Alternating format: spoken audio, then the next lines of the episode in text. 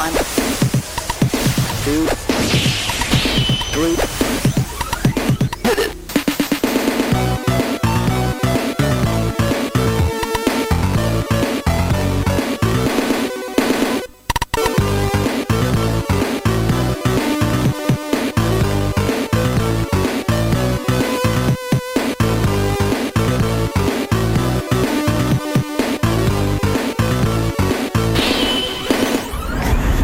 och välkommen till Snacka videospel.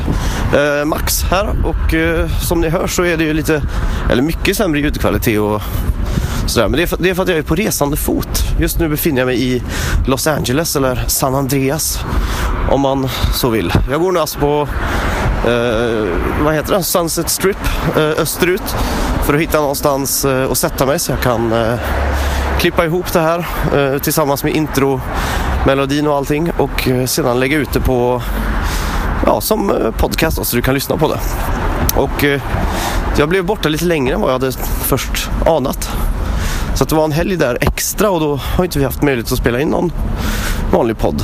Så det är ju lite tråkigt då, men men, men det är ja, tråkigt.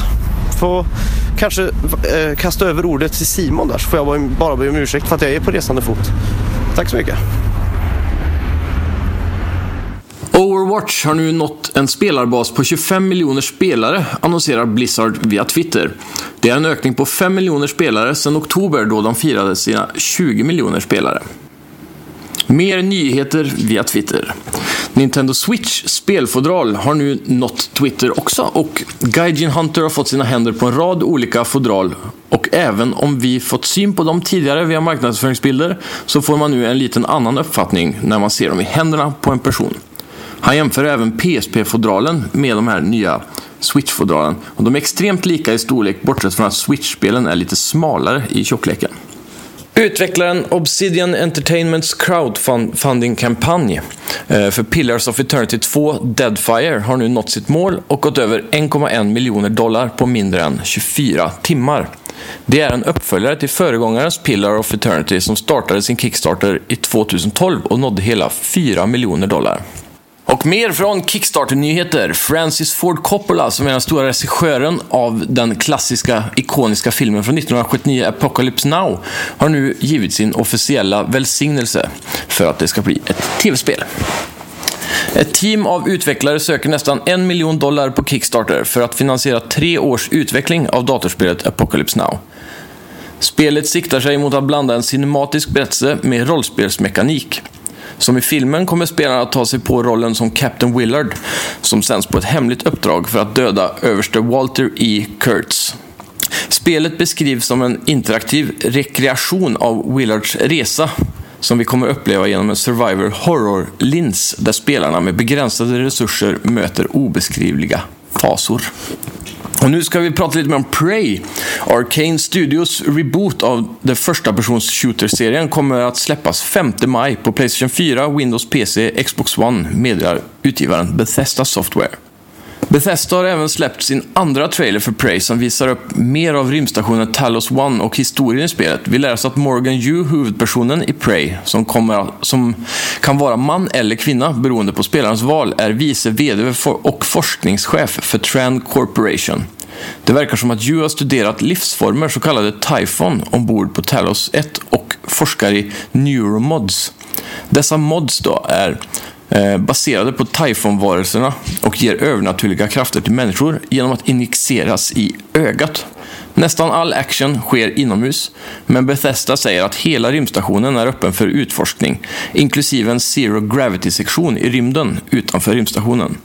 Station Talos One påminner om Bioshock-serien med dess eh, art deco-inspirerade lobby, men den har också en typ av eh, futuristiska laboratorievita rum som man förväntar sig från en plats som denna. Då.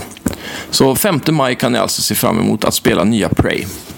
Avalanche Software, Disneys tidigare spelutvecklingsdotterbolag, är tillbaka in action igen. Efter att ha blivit nedlagda i maj har nu Salt Lake City-baserade studion återupprättats i enlighet med Warner Brothers Interactive Entertainment, meddelar bolaget i ett pressmeddelande. Även om det nu är under Warner Bros paraply så behåller ju Avalanche Software mycket av sitt gamla team och ledarskap som de hade på Disney. Det inkluderar John Blackburn som tjänstgjorde som Senior Vice President. Det första nya projektet från studion kommer att vara ett lämpligt men överraskande nog ett Disney-spel faktiskt. Avalanche Studios arbetar på en adaption av Cars 3, den kommande eh, Pixar-filmen som kommer ut senare i år. Bilar, Bilar 3 då, som den heter på svenska, började ursprungligen sin utveckling på Avalanche Eh, då de fortfarande var Disney-ägd studio. Avalanche Software kommer också att utveckla icke-Disney-projekt i framtiden. Det senaste spelet i Pokémon-serien är Pokémon Duel som är ute nu för iOS och Android. Förvänta dig inte att gratisspelet som har in-app-köp kommer att vara något i stil med Pokémon Go eller mobilpusselspelet Pokémon Shuffle. Nej, Duel är istället en ganska, ett ganska unikt strategispel som såklart innehåller en mängd olika Pokémons. Spelet slä som släpptes förra året i Japan under namnet Pokémon Co-Master är inspirerad av brädspel. Och spelaren bygger en ensemble på upp till sex Pokémon-figurer som sedan kan användas i en kamp mot en motståndare. Målet är att få din Pokémon över till motståndarens sida av spelplanen. Spelarna turas om för att avancera mot andra sidan samtidigt som man försöker att förhindra sin motståndare att nå sin egen. Varje år på Game Developer Conference så belönas en känd spelskapare med en Lifetime Achievement Award. 2017 är mottagaren Tim Sweeney, grundaren av Epic Games, som kommer få den. Sweeney tar hem äran vid den 17 årliga Game Developer Choice Award som äger rum under GDC Moscone Center i San Francisco. Herr Sweeney grundade Epic Mega Games 1991 som är ett shareware, eller som är en shareware-utgivare. Hans första release var det mycket beundrade ZZT som tillät användare att skapa sina egna världar. När NES Classic Edition blev hackad tidigare denna månad var allas ögon på konsolens förmåga att husera spel utöver sina 30 inbyggda i maskinen. NES Classic Edition är en utmärkt produkt som omdefinierat hela plug and play-konsolindustrin genom en kombination av välbyggd hårdvara, superb emulering och en bra interface. Men den är inte perfekt och att manuellt trycka på reset-knappen för att återgå till startskärmen där man byter spel och sparar eller loadar in en pauspunkt är en väldigt klumpig lösning. Men nu visar det sig att det finns en till spännande förbättring utöver att lägga till fler spel. Du kan nu åter, äh, återvända till NES Classic Editions startskärm vid en anpassningsbar genväg på kontrollen och standarden där är ner plus select. Denna minst sagt välkomnande funktion kommer nog glädja många, tänker jag. Dock kvarstår problematiken med att man faktiskt ska orka hacka produkten. Det har de dock gjort ganska mycket lättare med en app som kallas för Hackshi 2. Square Enix och Marvel har nu äntligen gjort sin gemensamma utannonsering via en pressrelease. Projektet är större än vi vågat hoppas på och handlar om att Marvel licensierat ut Avengers till Square Enix. Där både Crystal Dynamics som gjort Rise of the Tomb Raider och Eidos Montreal som gjort Deus Ex Mankind Divided specifikt nämns. Och så här lyder pressreleasen. Marvel Entertainment and Square Enix announced today a multi-year multi-game partnership. Leading with the reveal of the Avengers project, this newly established partnership pairs the creative minds at Marvel and Square Enix for one of the most powerful alliances in interactive entertainment. Detta förklarar ju även liken då, lite om Eidos Montreal skulle jobba på Shadow of the Tomb Raider och främst att Crystal Dynamics då kommer kanske ge sig in i ringen och tackla ett Marvel-spel först.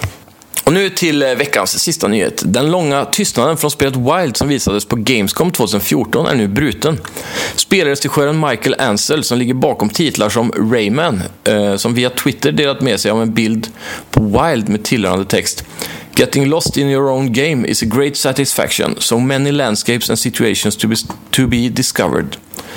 I will try to post regularly some screenshots of Wild and I promise I will not spoil the game's plot.